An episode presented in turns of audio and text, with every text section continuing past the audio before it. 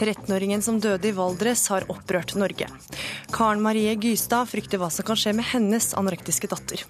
Jeg er så redd for at, at jeg en dag skal finne Maren død.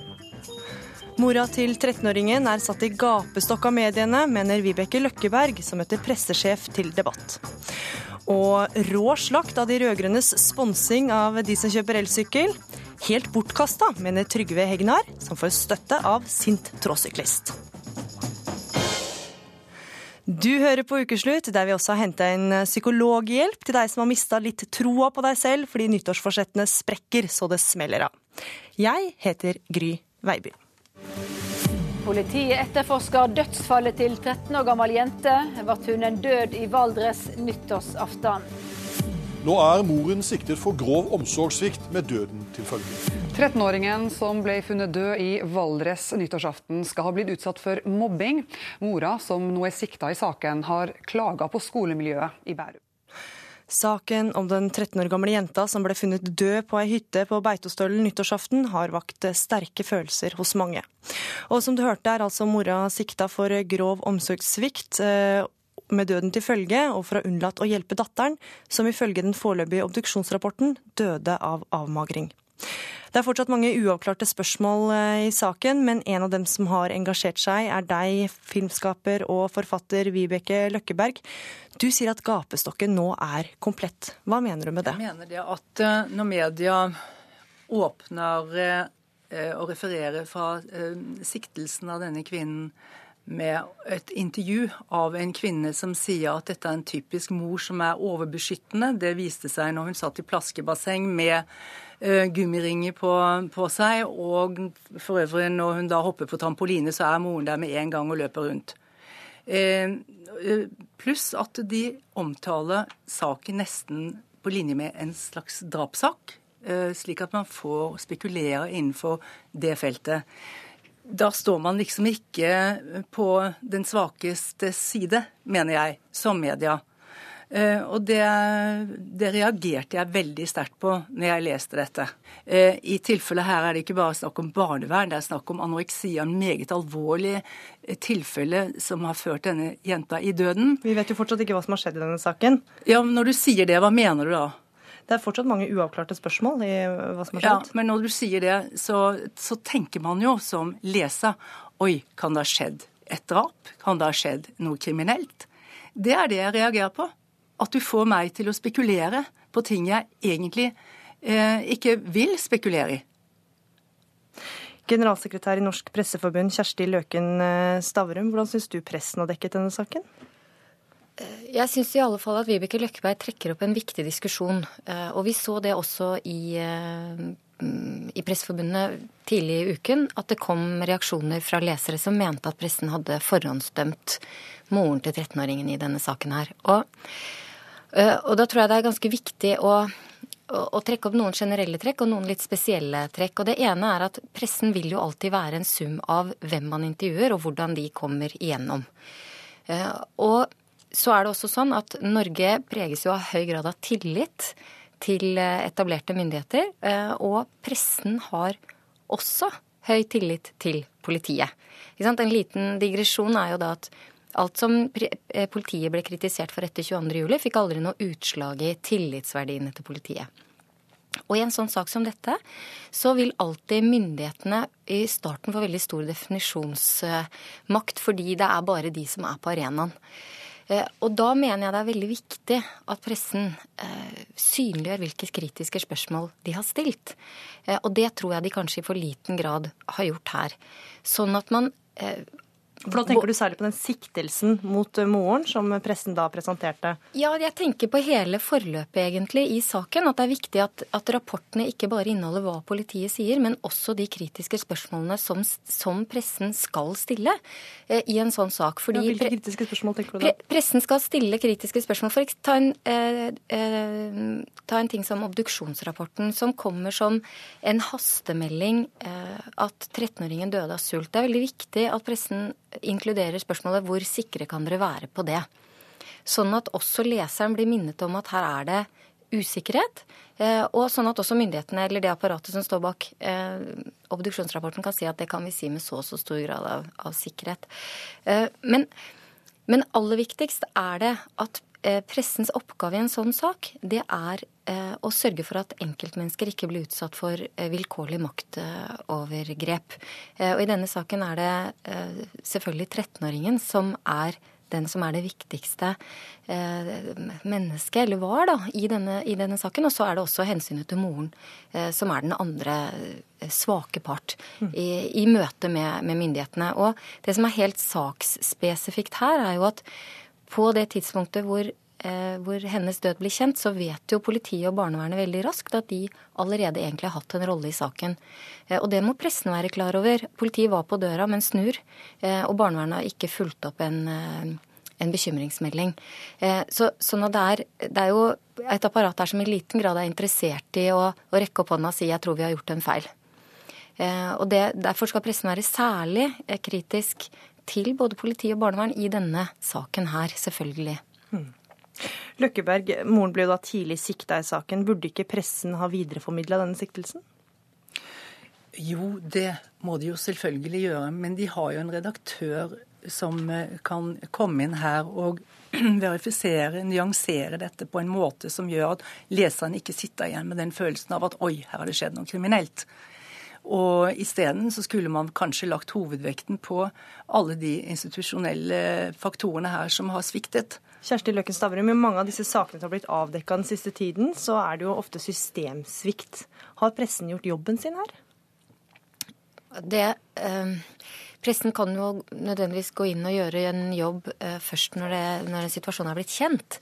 Eh, man vet jo ikke om eh, man kan ikke liksom det er vanskelig å oppsøke før man vet, blir tipset om det eller, eh, eller, på andre måter får kjennskap til det. Og, og da er det, det er grunnleggende veldig viktig at Pressens oppgave er ikke å beskytte systemet, og det er heller ikke å, å, speile den høye grad av tillit som alle andre har til systemet i Norge. Selv om det jo er eh, en bra ting for Norge, og vi ofte omtaler de, høye, de høye tillitsnivåene som positivt, så, så, skal pressen stille spørsmål og være helt sikre på at, at da systemet har gjort, eh, gjort det de skal gjøre. Eh, og jeg tror det er det som gjør at flere reagerer da, også særlig da i denne saken og spørsmålet om 13-åringen. Fordi, fordi, dekningen veldig raskt eh, ble konsentrert om moren. Så gikk det kanskje for litt for lang tid før man begynte å inn, trekke inn eh, flere sider ved saken, og, og at den fikk lov til å være mer kompleks, som jo virkeligheten ofte er.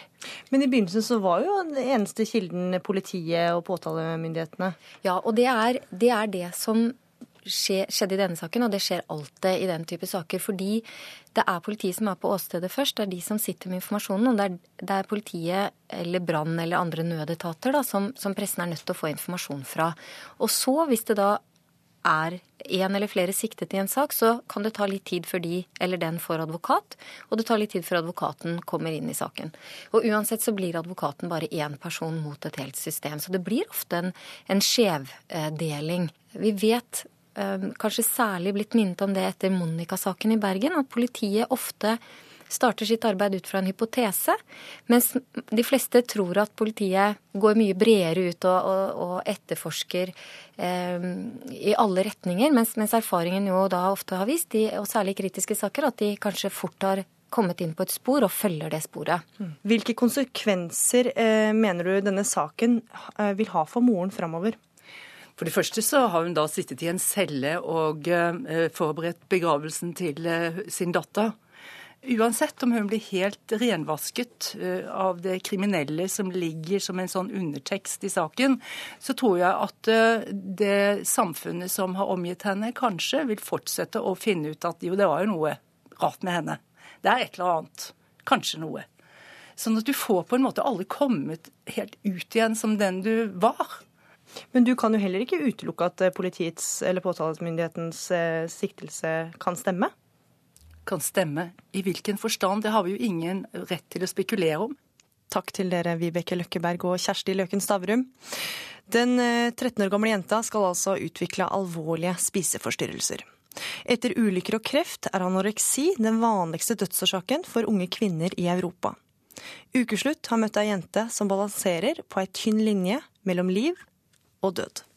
Fikk varsel på VG, og så tenkte jeg at det kunne vært meg. Det kunne vært jeg som sulta meg i hjel. 16-åringen som sitter foran meg, er så tynn og så sliten at hun knapt orker å snakke. Maren Sofie Gystad har anoreksi. Hun vil helst ikke spise. Jeg har vært innlagt og har vært ganske nær å dø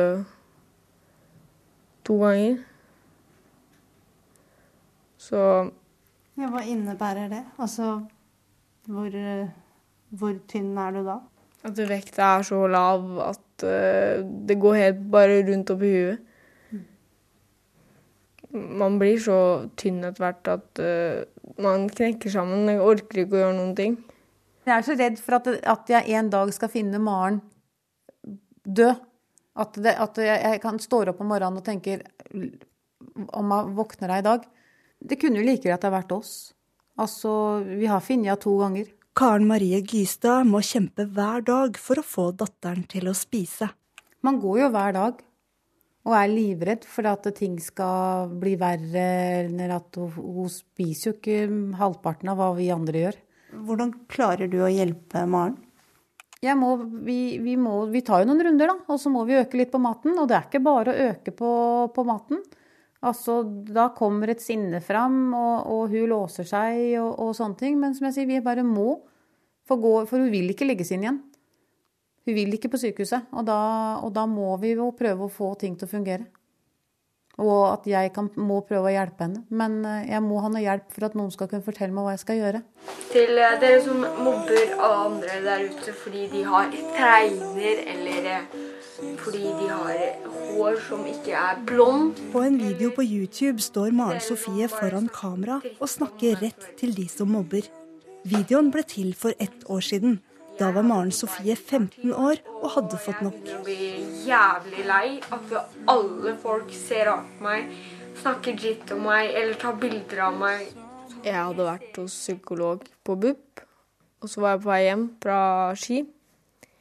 Da jeg hører noen skrike navnet mitt og, noen, og påpeke at jeg var en stygg jævel. Og på toget hjem så var jeg så sint at jeg satt og gråt. Og når jeg kom opp trappa her, så hørtes det ut som hele huset skulle dette ned. Det var i hvert fall det jeg husker sjøl. Det var det jeg hadde drømt om, å si ifra. Å stå foran hele verden og bare si Nå holder det. De svarer I et brev fra fylkesmannen i Akershus kan vi lese hvordan Maren Sofie ble mobba i årevis på to barneskoler i Enebakk, uten at skolene eller kommunen tok grep. Dommen fra fylkesmannen er krystallklar. Maren Sofie ble ikke tatt på alvor eller ivaretatt. Ja, jeg sa fra til skolen ganske mange ganger, men de ga oss beskjed om at vi skulle ordne opp i det selv og at de ikke kunne gjøre noe. Hvordan følte du det som forelder? Jeg syns det er veldig vondt å ikke bli hørt og ikke bli trodd. Det syns jeg. Og jeg syns det er fælt at når man går på skolen og tar opp med lærerne om at det er et ting som er et problem, og lærerne dytter under og sier at vi ser ikke det problemet. Hvordan var det det starta? Husker du det? Det starta andre eller tredje uka i første klasse. Da og da ble jeg utstengt allerede da. Og etter det så begynte de å kalle meg fregnetryne, salami. Tenkte du at det var de som var slemme, eller begynte du å tenke at det var deg det var noe galt med? Jeg tenkte hele tida at det var jeg det var noe galt med. Fordi det var jeg som blei utstengt. Det var jo ikke de. Og så kom de bare med nye ting hele tida om at jeg var stygg og tjukk etter hvert. Da begynte jeg å ta meg nær av det og tenke, tenke over det. Og da gjorde det vondt. Da prøvde jeg å gjøre noe med det. Jeg prøvde å bli penere og etter hvert også tynnere. Maren Sofie har aldri vært overvektig, men begynner å slanke seg. Jeg var ganske tynn mot slutten, men de kalte meg fremdeles sykelig overvektig. Og de holdt fast stoler og sånn fordi det begynte å riste i gulvet da jeg kom. Trodde en del av deg på det? Ja, det var derfor jeg fortsatte. Fordi jeg ble fortalt så mange ganger at jeg var tjukk, at jeg trodde på det. Og speilbildet mitt blei og er helt vrangt. Her har du jo i bobledress med, med bilcrosshjelmen til fetteren sin. Skulle ut og kjøre akebrett. Skulle være like tøff som han. Karen Marie har funnet fram noen bilder fra tida før eldstedatteren begynte på skolen. Ja, her har hun pynta seg. De viser en blid og energisk seksåring som liker å ake og spise is. Jeg synes det er så fint. Ti år seinere vil hun ikke ha noe av maten mora tilbyr henne. Jeg ønsker meg henne igjen. Hun har dager som hun er kjempeblid og fornøyd, og, og, og, kan være med og le, og, og er liksom alt der. Da er det Maren, og så detter vi litt utfor igjen. Anoreksi ble i Aftenposten denne uka beskrevet som et seigt og sakte selvmord. Jeg har tenkt på det mange ganger at det hadde vært mye greiere på verden rundt meg om jeg var borte, for da hadde de ingen å sikte på lenger. Hvor befinner du deg nå i dette? Det er fremdeles mellom liv og død. Jeg skulle vel egentlig vært innlagt nå, men fordi jeg klarer å diskutere meg ut av det, og fordi mamma fremdeles orker å prøve, så får jeg lov til å gå på skolen. Ja, reporter dette innslaget var Kari Li. Og Maren Sofie Gystad har flytta til en annen kommune og får nå hjelp av skole og hjelpeapparat. Det meldes om rekordstor interesse for det noe utradisjonelle miljøtiltaket til det rød-grønne byrådet i Oslo. For nå kan byens beboere søke om pengestøtte til å kjøpe elsykkel. Byrådet setter av flere millioner kroner og gir inntil 5000 kroner for å få folk over på motordrevne sykkelhjul. Og redaktør i Finansavisen Trygve Hegnar, du mener dette tiltaket er bortkasta. Hvorfor det? Ja, Nå er ikke jeg imot at noen gir meg 5000 kroner for å kjøpe sykkel. Eh, det er veldig hyggelig. Men som økonom så er jeg jo litt opptatt av, opptatt av effektiviteten i økonomien. da. Og eh, de som da eventuelt da kjøper elsykkel, eh, det kan bli meg også Vi vet ikke om andre som kjøper stort sett er de som er gående fra før, eller de har tråkket rundt på ordinære sykler, eller reist kollektivt. Slik at effekten av på miljøet da, av utslipp i Oslo, det er helt umulig sannsynligvis å, å, å tallfeste, kontrollere og gjøre noe mer. slik at Det er et veldig sånn hyggelig, morsomt tiltak hvor effekten er tilnærmet lik null. Så, så miljøtiltaket får stryk fra deg? Ja, altså, Det er ikke målbart. for Hvis alle som kjøper elsykkel har vært gående før, så er det åpenbart at det blir jo ikke noe bedre miljø av det. Uh, men det kan tenkes. Uh, men vi må ha liksom en viss effektivitet i økonomien. og så er det også slik at, Nå er ikke da de endelige forskriftene kommet, eller regelverket kommet, så vidt jeg vet. Men det er også slik at man skal søke om dette her. og Da er jeg liksom alltid litt skeptisk med en gang. Liksom, hvem er det som skal få lov? Er det de med mye penger som skal få kjøpt elsykkel? Er det de med lite penger? Eller er det de som stemmer de rød-grønne? Eller er det de som da eh, har andre ja, farver? Håret, øynene, hva det måtte være. Eh, så jeg er jo skeptisk til det. Eh, hadde det vært slik at man alle skulle få liksom støtte til elsykkel, så hadde det vært greit. liksom. Og så er, det, er jo jeg da som økonom igjen. Jeg syns det er litt rart at man i Oslo skal gi bort skattebetalernes penger til de som kjøper elsykkel. Hvis det nå er en i Bærum som ønsker elsykkel, så skal da får han meg til å kjøpe for seg, så sparer han 5000 kroner på sykkelen. Det er litt snålt. Så jeg, jeg tenker, Det høres ut som et sånn veldig godt, deilig forslag, men som har liten relevans, og som ikke er målbart. Vi begynner, det var mange ting her. Vi begynner med miljøet og byråd for miljø og samferdsel i Oslo, Lan Marie Noen Berg. Hvor godt miljøtiltak er dette egentlig? Det vi har eh, sett av tidlig forskning fra Transportøkonomisk institutt, er at dette er et veldig godt miljøtiltak.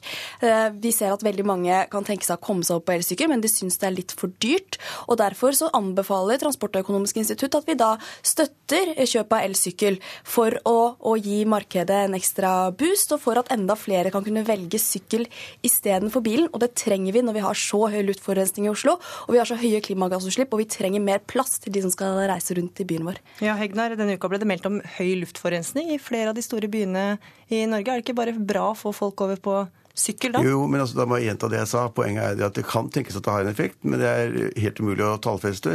Og, og hvis, jeg, hvis, det er som jeg sier, da men Det er jo slik det ikke, akkurat slik, men hvis alle som da går over på elsykkel, har ordinær sykkel fra før, eller er gående, så har det jo ingen effekt. Hvis det er mange da som går over fra en fæl, fæl dieselbil, kjempebil, som slipper ut masse rare øh, NOx-ting eh, som man ikke liker, så det, kan, kan, det kanskje ha en viss effekt. Men i totale sammenheng så betyr det ingenting. Og så er det kontrollproblemer. Det er helt tullete ute. Eh, og jeg vil jo si at det kanskje være viktigere og bedre at man da ga lettelser eller pristilskudd i ordinære sykler, slik at det blir flere som gjør det. Og tenker at Trygve Hegnar, som da kjører fra Smestad til Ullern eh, for å spare køene, at han da skal få 5000 kroner av kommunen og skattebetalerne. Det syns jeg er rart. Ferk. Jo, altså, Jeg vet ikke helt eh, hvor jeg skal starte her, men det vi i hvert fall eh, ser, er at de som, altså de aller fleste har tilgang til en vanlig sykkel i dag. Men det er ikke det som gjør at de ikke sykler, det er at det ikke er trygt å sykle fordi man ikke har prioritert sykkel nok i Oslo fram til nå. Og det er her vi bruker de store pengene, fordi vi skal bygge seks mil med sykkelvei, og vi øker tilskuddet til drift av sykkelveiene, så man kan ha drift av sykkelveiene hele året. Støtte til elsykkel det er et prøvetiltak fordi vi har sett at tidlig forskning viser at her kan du virkelig få stor uttelling. Du kan få støtte til å kjøpe en, eh, en, en elsykkel som gjør det lettere å legge vekk bilen i hverdagen. Fordi du kan frakte mer ting, du kan, eh, du kan reise lenger, ta tøffere motbakker, og du kan få gjort de daglige gjøremålene dine på en mye enklere måte enn med vanlig sykkel. Som f.eks. Hvis, hvis du skal levere barn i barnehagen eller kjøpe varer på butikken og trenger å få det med deg hjem. Så det er derfor elsykkel er et så godt alternativ til bilen. Og dette er en prøveordning som vi ønsker å teste ut, fordi vi vet at vi trenger å få flere over på sykkel. Vi vet at vi trenger å få ned luftforurensning og ned klimagassutslippene i Oslo. Og da har vi en lav terskel for å prøve ut slike virkemidler. Så ser vi at det har fungert veldig godt. da. Momsfritak på, uh, på elbiler har fungert uh, kjempebra. Ja, og, de, og de prisvirkemidlene som vi har der, har fungert kjempegodt. Det er ikke rart folk kjøper Tesla når de får bil til halv pris. Altså, alle mennesker i verden vil kjøpe bil til halv pris hvis de fikk anledning til det. Så det er ikke noe å, skryte av. Så da fungerer jo pris, da, eller? Ja, veldig. Men altså, bil til halv pris jo, det får man ikke i noe annet land. og Derfor er Norge det eneste landet hvor det er stort salg av Tesla. Vi skal ta inn en tredje debattant her. Anders eh, Aasberg. Du er da en helårssyklist, og en av dem vi ser, kan se syklende i tettsittende Lykra. og Da sykler du for egen maskin. Og I et innlegg i Aftenposten så skriver du at byrådets støttetiltak må bero på en misforståelse. Hva mener du med det? Ja, jeg syns jo at det er rart at du skal gi støtte til elsykler og ikke til vanlige sykler. Når du ser på de som er ute og sykler, så er det de som sykler vanlige sykler, som sykler hele året. Min erfaring fra å sykle, jeg sykler hver dag, spiller ingen mm. rolle hvordan de ser ut ute. Og nå f.eks. ser du ikke en elsykkel. Det er nå du virkelig burde ha eh, elsyklene på veien hvis det skal være et miljøtiltak. Så de er bare lystsyklister, er det det de, du mener? ja, altså, lystsyklister og lystsyklister, men de sykler hovedsakelig når det er pent vær. Eh, en god sommerdag så er det fint å ta fram elsykkelen. Det er kanskje satt litt på spissen, men jeg har ikke møtt noen elsyklister fra 1.12. på vei til og fra jobb. Eh, men jeg møter mange av de som du kaller lykrasyklister. Det er jo de du må stimulere til å sykle mer. Det er de som kan sykle fra Asker og inn. Det er de som virkelig kan spare miljøet. Ja, Berg, Ville ikke det vært enda mer miljøvennlig, da? Støtte de som eh, kjører for egen maskin? Vi bruker de aller eh, største pengebeløpene på nettopp alle syklister i Oslo ved å bygge ut så mye sykkelvei som vi skal bygge ut de neste fire årene, og ved å støtte, eh, bruke Eh, 20 millioner på eh, å drifte sykkelveiene bedre, eh, også på vinterstid. og Det er her vi bruker de virkelig store beløpene. Og så ser vi at det, det som det, Vi baserte oss på to forskningsrapporter da vi skrev byrådserklæringen vår fra Transportøkonomisk institutt. Den ene så på hva hvis man gir folk en elsykkel, og hva hvis man gir folk en sykkel? Vil, vil, vil man da øke antall kilometer man sykler? Og da så man at det var ingen effekt hvis man ga folk tilgang til en sykkel. For de aller fleste i Norge har tilgang til en sykkel i dag, men det var var stor effekt. Man doblet antall kilometer som folk syklet, og de syklet på 50 av reisene sine når de fikk tilgang til en elsykkel. Og Det er derfor vi ønsker å prøve ut dette, dette tiltaket. Og så er det selvfølgelig kjempeviktig for oss å gjøre Oslo til en bedre sykkelby, og det er et stort eh, det er, det er, jo, det er jo, noe av det som dette byrådet setter øverst på lista når vi nå eh, setter i gang med de fire årene vi har framfor oss. Og da syns jeg at, at, man burde øke de 20 millionene til 25 millioner på å rydde veiene. Jeg sykla ned hit i dag fra Gressen, og ingen av de veiene ned hit var rydda. Så da må du sykle sammen med bilene, og det er skummel affære hvis du ikke er en god syklist. Det er jeg helt enig i. Men da bruk de fem millionene på å gjøre de veiene trygge. Eh, ringvei, altså Sykkelveien ved Ringveien de er veldig godt rydda og veldig godt håndtert.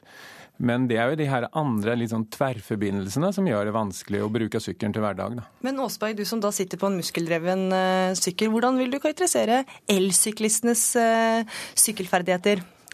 Ja, jeg opplever ikke alle, men mange elsyklister som skumler på de sykkelveiene, for de klarer ikke å håndtere en sykkel i 25 km i timen. Du slenger ut uerfarne syklister i høy hastighet, og jeg har opplevd flere skumle situasjoner med elsyklister som jeg ikke opplever med mine eh, hva skal du kalle det, hjemlike Lycra-syklistene. De, de, de, oppfører seg ordentlig.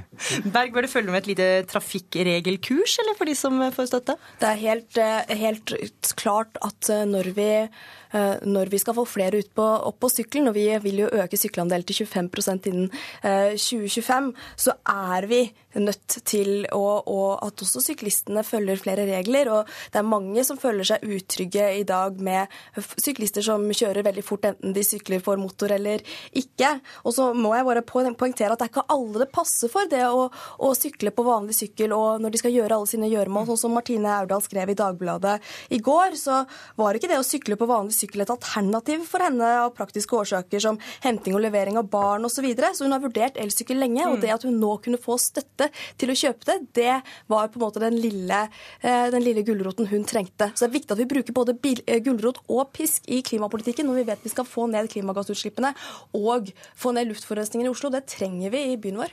Trygve Hegnar, du har sagt at du kanskje er den som kommer til å søke om støtte?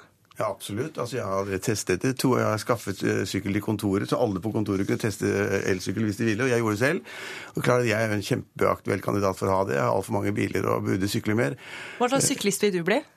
Jeg er en elendig syklist, ikke noen ekspert heller. Men Berg har jo sagt i et intervju at, eh, at sånne elsykler er perfekte for å frakte barn rundt i. Og da blir jeg jo livredd. Jeg ser jo de sånne små tøyposer som henger bak syklene. Skal man kjøre rundt med det? Det mener jeg er livsfarlig, så det burde man ikke gjøre i det hele tatt. Men jeg er mer opptatt av sånne litt rasjonalitet. Altså lekkasjen til Oppegård og Bærum og Asker og sånn. Og at Oslo skattebetaler skal betale. Det er helt tullete. Og så er jeg opptatt av at skal jeg søke Og jeg, klart, jeg kommer til å søke på dette her. Og jeg vil gjerne ha 5000 kroner av kommunen hvis jeg kan få det. Eh, men hvis jeg ikke hadde fått det, så hadde jeg kjøpt det uansett. Så det er liksom litt dumt. og da tenker jeg meg liksom, Skal det bli behovsprøvning? Skal jeg sende brev til Berg og si det at uh, hvor mye jeg tjener, hvor stor formue jeg har, hvor mange biler jeg har, hvor langt jeg pleier å kjøre osv. Altså, hva er systemet? Skal man, legger man opp til et kjempebyråkrati og tullete system? Eller kan man ikke heller bare si det at sykling er bra? hvis byrådet kommer til å gjøre en kjempejobb på sykling i forhold til hva tidligere regimer har gjort. Det tror jeg på. Men dette er et tullete greier som er avfødt av Tesla-tullet. Veldig kort svar der, Berg. Det er tydelig at Trygve Hegnar ikke har lest dette forslaget. fordi dette her er en ordning for Oslos borgere, der hvor de kan søke om, om Eh, om, støtte til elsykkel. Og da bare å kunne søke om én sykkel per person. Én per familie? Ja. ja per, per, per, voksen over 18 år. Og, og ja, men da kan en familie få fire, fire sykler. Så oppfordrer jeg til å lese dette forslaget og gå inn på kommunens hjemmesider. Og med den oppfordringen så takker jeg for at dere kom til ukeslutt, Anders Aasberg, Lan Marie Noen Berg og Trygve Hegnar. Du hører på Ukeslutt, og det må du fortsette med. Jeg skal gå 10 000 skritt om dagen. Jeg vet ikke om det er noen som klarer det. Slutt å snuse. Begynt å slite med nyttårsforsettene? Ikke glem å leve underveis, råder psykologiprofessor. Og Rå rock fra Oslo rådhus. Motorhead hylles med klokkespill.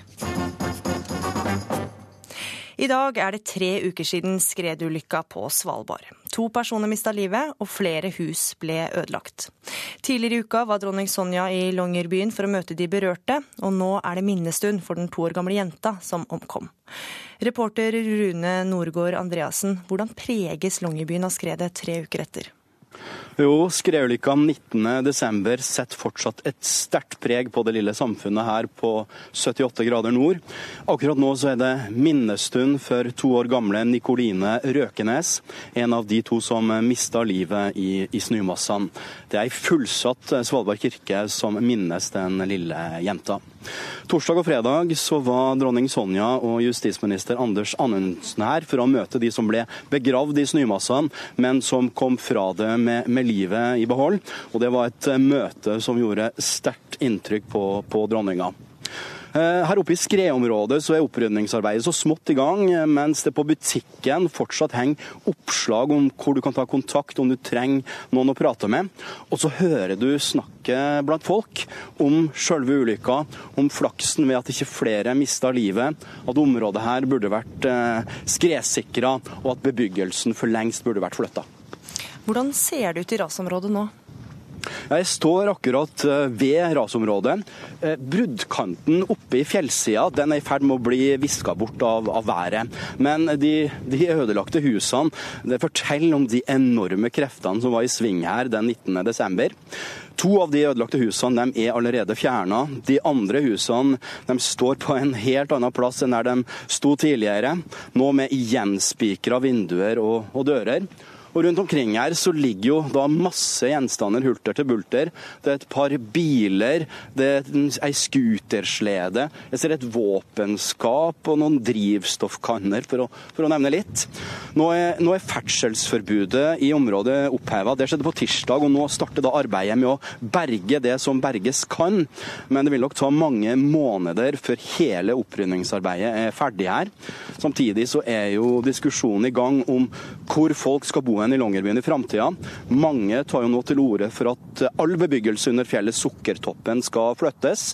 Og det som nok er helt sikkert, det er at husene som ble tatt av skredet for tre uker siden, de husene blir ikke bygd opp igjen. Takk til deg, reporter Rune Norgård Andreassen. Nyttårsforsett, jeg tenker at det er litt sånn litt dumt. Men jeg vet ikke om det er noen som klarer det. Jeg skal gå 10 000 skritt om dagen. Jeg er så gammel nå at nå lever jeg som jeg ønsker å leve, og har ingen forsetter. Slutt å snuse. Å være positiv. Tenke positivt. Og tjene mer penger. Kanskje man skulle prøve å danse litt mer? Jeg klarer aldri å holde det, så da blir jeg heller liksom umotivert av nyttårsforsettene. Så er det mye bedre å begynne å trene uavhengig. Nytt år, nye muligheter. Dette har vært uka for gode nyttårsforsett. Trene mer, drikke mindre, spise sunnere eller være mindre på Facebook. Men det har også vært uka der mange har sett det ene forsettet etter det andre ryke. For det er ikke så lett å plutselig skulle slutte med alt det som gjorde jula så behagelig for mange. Reporter Åsa Vartdal har truffet noen av dem som sliter. Sprit, sprit, sprit, sprit, ja, sprit, sprit, sprit, sprit, ja, sprit, sprit, sprit, sprit, ja, sprit. Røde akta er for spriten,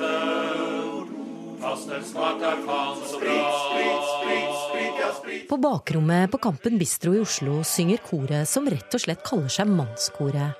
Og nettopp det de skal prøve å holde seg unna i ukene som kommer. For rekkene med mannfolk som sjelden eller aldri spytter i glasset, er hvit måned en skikkelig styrkeprøve. Så hjelper det heller ikke at de øver i en bar der alkoholdunsten oser fra veggene. Jeg får. Jeg ser at det er. Komiker Geir Skau er en av korets veteraner. Han har mange forsøk på hvit måned bak seg. 13 år har vi, 14, år har vi prøvd på dette her med vekslende hell, må jeg vel si. Det er, vel musikere og, og, folk innen musikk som har uh, kommet på dette her i sin tid. For der er det mye børst. Så det er jo fint lite pusterom, og så få lada seg opp. Ja, altså Basically er det vel snakk om litt sånn ønsketenkning. Sier professor i psykologi Fanny Duckert om det mannskoret og flere andre prøver på i disse dager. Nå er det nytt og rent og nye muligheter. Og så har vi jo alle noen sånne ideelle forestillinger om hvem vi burde ha vært, skulle ha vært, kunne ha vært. Og hvis vi blir det, så tenker vi at da blir vi mye lykkeligere og alt går mye bedre, liksom. Ned på to, inntil nabling på to, ned til knærne. Det er bodypump-teamet på Sats i Akersgata. Svette, mer eller mindre trente kropper står på rekke og rad og løfter vekter. Timen er fulltegnet. Mange fikk ikke plass. Et helt vanlig scenario på denne tiden av året, ifølge senterleder Hanna Pedersen. Det er kanskje noen som setter seg kanskje litt for høye mål, litt for, for mye, og så vil de kanskje se resultater etter to uker, og så skjer det kanskje ikke så mye på de to ukene. Det tar litt tid da, å få resultater. Det må liksom gjøres over tid. For det som virker som en god idé i champagnerusen på nyttårsaften, er ikke like lett å gjennomføre når det sludder ute, man ikke finner joggeskoene, eller første fest i det nye året frister med både røyk og alkohol. Da må man ha en klar plan, noe de færreste har. Hjernen vår har liksom to ulike typer modus. Og den ene typen modus, det er liksom den hvor du er kritisk, analytisk, langtid planlegging, tenke liksom den beste delen av hjernen. Men problemet med den delen av hjernen vår, den krever en del å få slått på. Og hverdagshjernene våre er preget av en helt annen modus, som er å gå for det som er lettvint, behagelig, enkelt her og nå.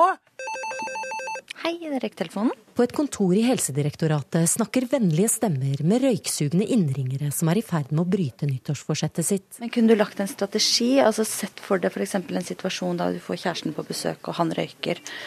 Um, går det an å legge en strategi i forkant uh, for hva du skal si, hva du, hva du kan gjøre for å unngå å ta den røyken? Også her er begynnelsen av januar årets travleste tid forteller leder for Røyketelefonen Bjørn Andreas Bang. Noen har akkurat eh, begynt å tenke på det, og de ønsker tips og råd til fremgangsmåter f.eks. Og de lurer på hvordan de skal få bygd opp motivasjon. Når tok du den siste røyk, da?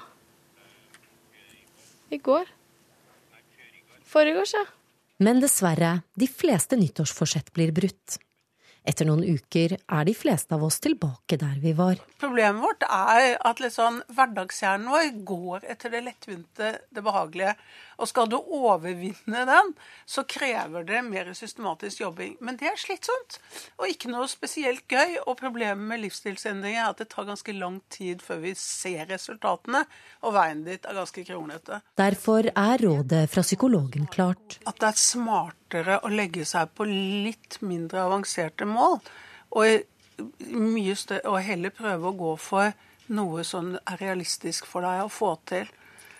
Dessuten er det jo ganske viktig det der med å leve underveis. Altså Man kan ikke sette livet på vent til du liksom har nådd en eller annen målsetting. Livet er det du har nå, det. Og vitsen er jo å leve det på en så ålreit måte som mulig. Og så kan du etter hvert bli litt mer fornøyd med deg selv. Og det er en god ting her i verden. Whisky, vodka og gelé.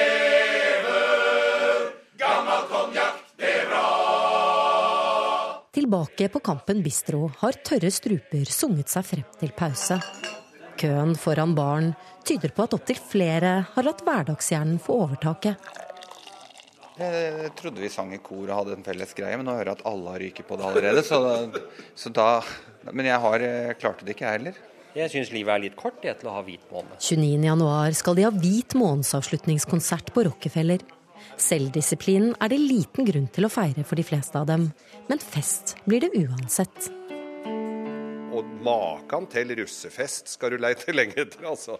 Det er utrekningslag for en hel bransje. Det er tasket med min lever, men noe fasit skal man ha. Tra-la-la-la-la-la.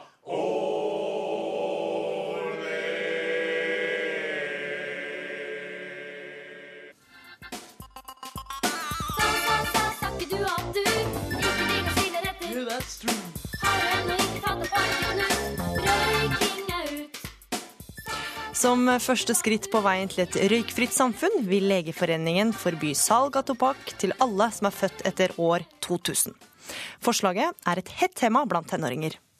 Hvis eh, poenget er at de ikke skal få tilgang til røyk, da blir de i hvert fall ikke avhengig av røyk. Da starter de jo ikke å røyke. Jeg synes at det blir sånn, Hvis det blir forbudt, er det sånn at de kommer til å gå og sjekke alle som står og røyker sånn Er du født 00 eh, eller tidligere? Selv om vi, vi ikke får lov til å kjøpe det, så får vi det fortsatt tak i det. Så det, har egentlig, det er bare litt teit, syns jeg. Men er det så mange på deres alder som røyker, egentlig? Ja. ja, det er mye testrøyking, men det er ikke så mange som røyker fast. Tror dere det vil ha en litt sånn effekt at shit, det er ulovlig for oss, nå kan vi i hvert fall ikke gå og kjøpe det? Nei, ikke i det hele tatt. Jeg tror noen forskjell. Jeg tror fortsatt folk vil kjøre på ja. som før. Gabrielle Dixon og Magnus Risdal, dere er begge født i år 2000 og er dermed siste generasjon som kan kjøpe røyk og snus lovlig dersom Legeforeningen får det som den vil. Ungdommelig nok er dere med på Skype fra hvert sted i landet, og Gabrielle Dixon, du liker forslaget fra Legeforeningen. Hvorfor det? Jo, jeg eh, mener jo at man hører veldig mye om at eh, folk har ønsker om at eh, Norge skal bli et tobakkuavhengig nasjon. Og vi i Rogaland Senterungdom vi mener at de nye generasjonene som kommer etter oss, de må ha muligheten til å ikke ta med seg våre uvaner, som da er røyk og andre tobakksmidler. Mm. Og som du sier, så er det medlem av Senterungdommen, og som i likhet med resten av de andre partiene, de er jo ikke for forslaget, men ditt lokallag i Rogaland stemte for. Hvorfor tror du det er så upopulært forslag? Tenker jo at det er, det er så nytt, og det er kanskje det at det er aldri vært noe sånt at det er plutselig et årskull eller en generasjon noe skal sluttes med. Magnus Risdal, du blir irritert av dette forslaget. Du er da fra Fremskrittspartiets Ungdom. Hvorfor blir du irritert? Nei, Jeg blir irritert hovedsakelig fordi at jeg føler det Det er å restriktere andre menneskers frihet. Og i tillegg den friheten de har til å stappe hva de har lyst til i sin egen kropp. Og ta følgene av det, da. Og de risikerer kun sin egen kropp. Og det er egen frihet og privatfrihet det handler om.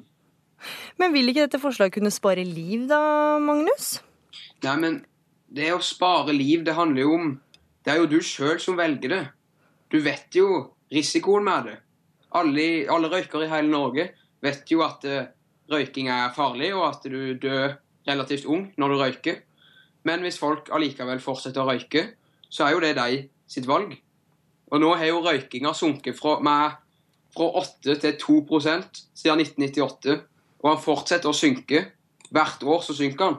Så det viser jo at vi gjør det vi gjør er riktig med Men, å undervise om tobakk. Men veldig mange har begynt å snuse, da. Gabrielle Dixon, bør man ikke heller få bestemme selv da, om man vil eh, kjøpe røyk og snus? Jo, men samtidig så er det jo slik at det, det er ikke ulovlig å snuse eller røyke, men det er ulovlig å kjøpe.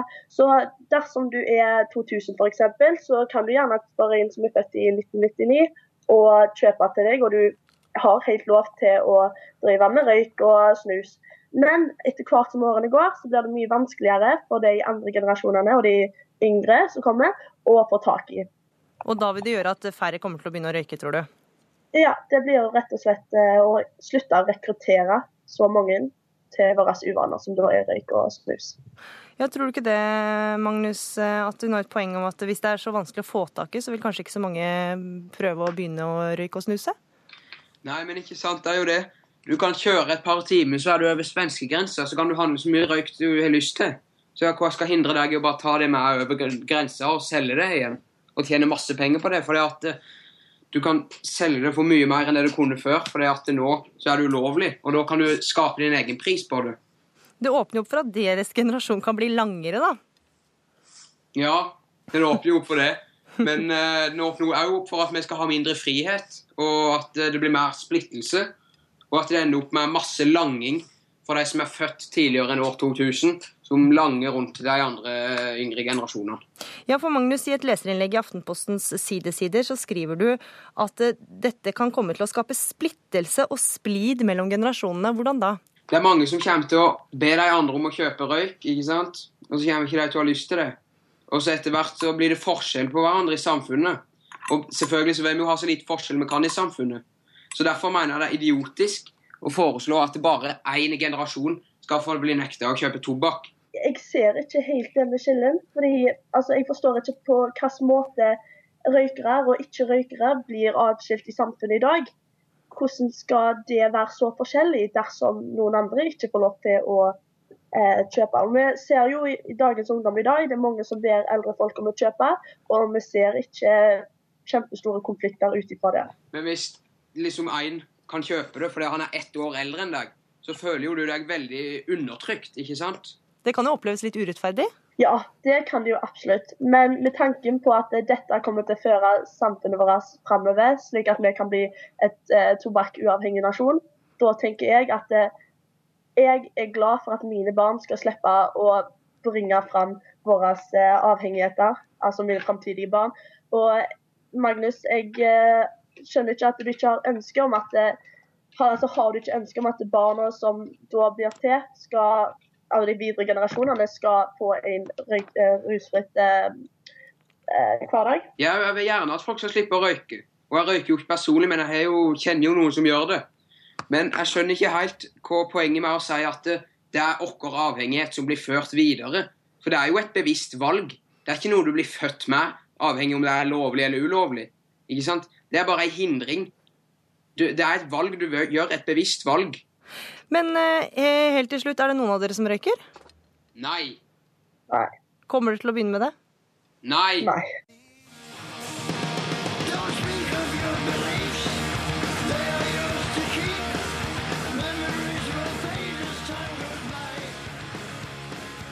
Dette er Motorheads Electricity med den legendariske frontfiguren Lemmy som bisettes i natt.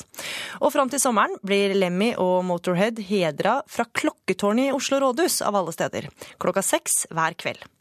Den som spiller for Oslo-borgere og hovedstadens besøkende hver hele time, er klokkenist Laura Marie Rueslåtten Olseng, og repertoaret består bl.a. av Super Mario Bros, Harry Potter, Nora Brogstedt, Kraftverk og altså Motorhead.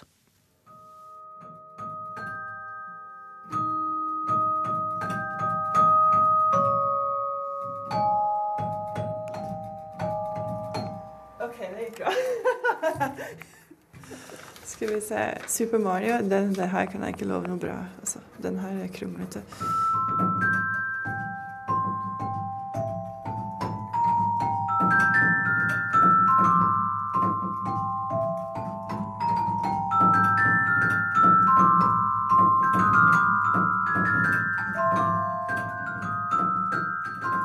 Så her har vi manuelle klaviturer sånn konsertklaviturer Og det er koblet til eh, instrumentkolbene i klokkene, så det er det jeg spiller på.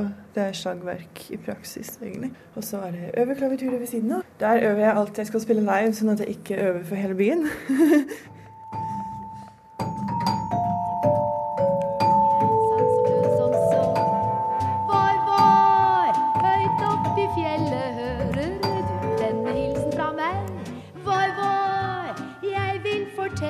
at jeg venter på deg. Er det du som har satt sammen den lista med låter som spilles nå frem til mai, var det det? Ja, jeg vil si at det er meg og byen som har gjort det, fordi dette er jo forslag jeg har fått inn. Så jeg har plukket ut um, i forhold til variasjon, og i forhold til kanskje sjangre som vi ikke har brukt så mye før, og hva folk hører på, og hva folk uh, snakker om, sånne ting, og hva folk kan kjenne seg igjen i. For meg så bare handler det om hva, hva som går gjennom spillet, og så eh, hva, hva hører folk på egentlig. Så litt, litt humor i hverdagen, det er fint.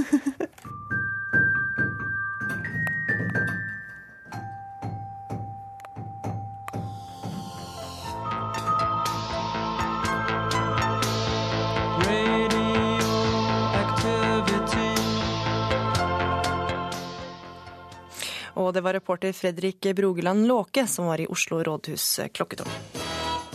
Ukeslutt er slutt. Ansvarlig for sendinga var Lilly Fritzmann og Torkil Thorsvik.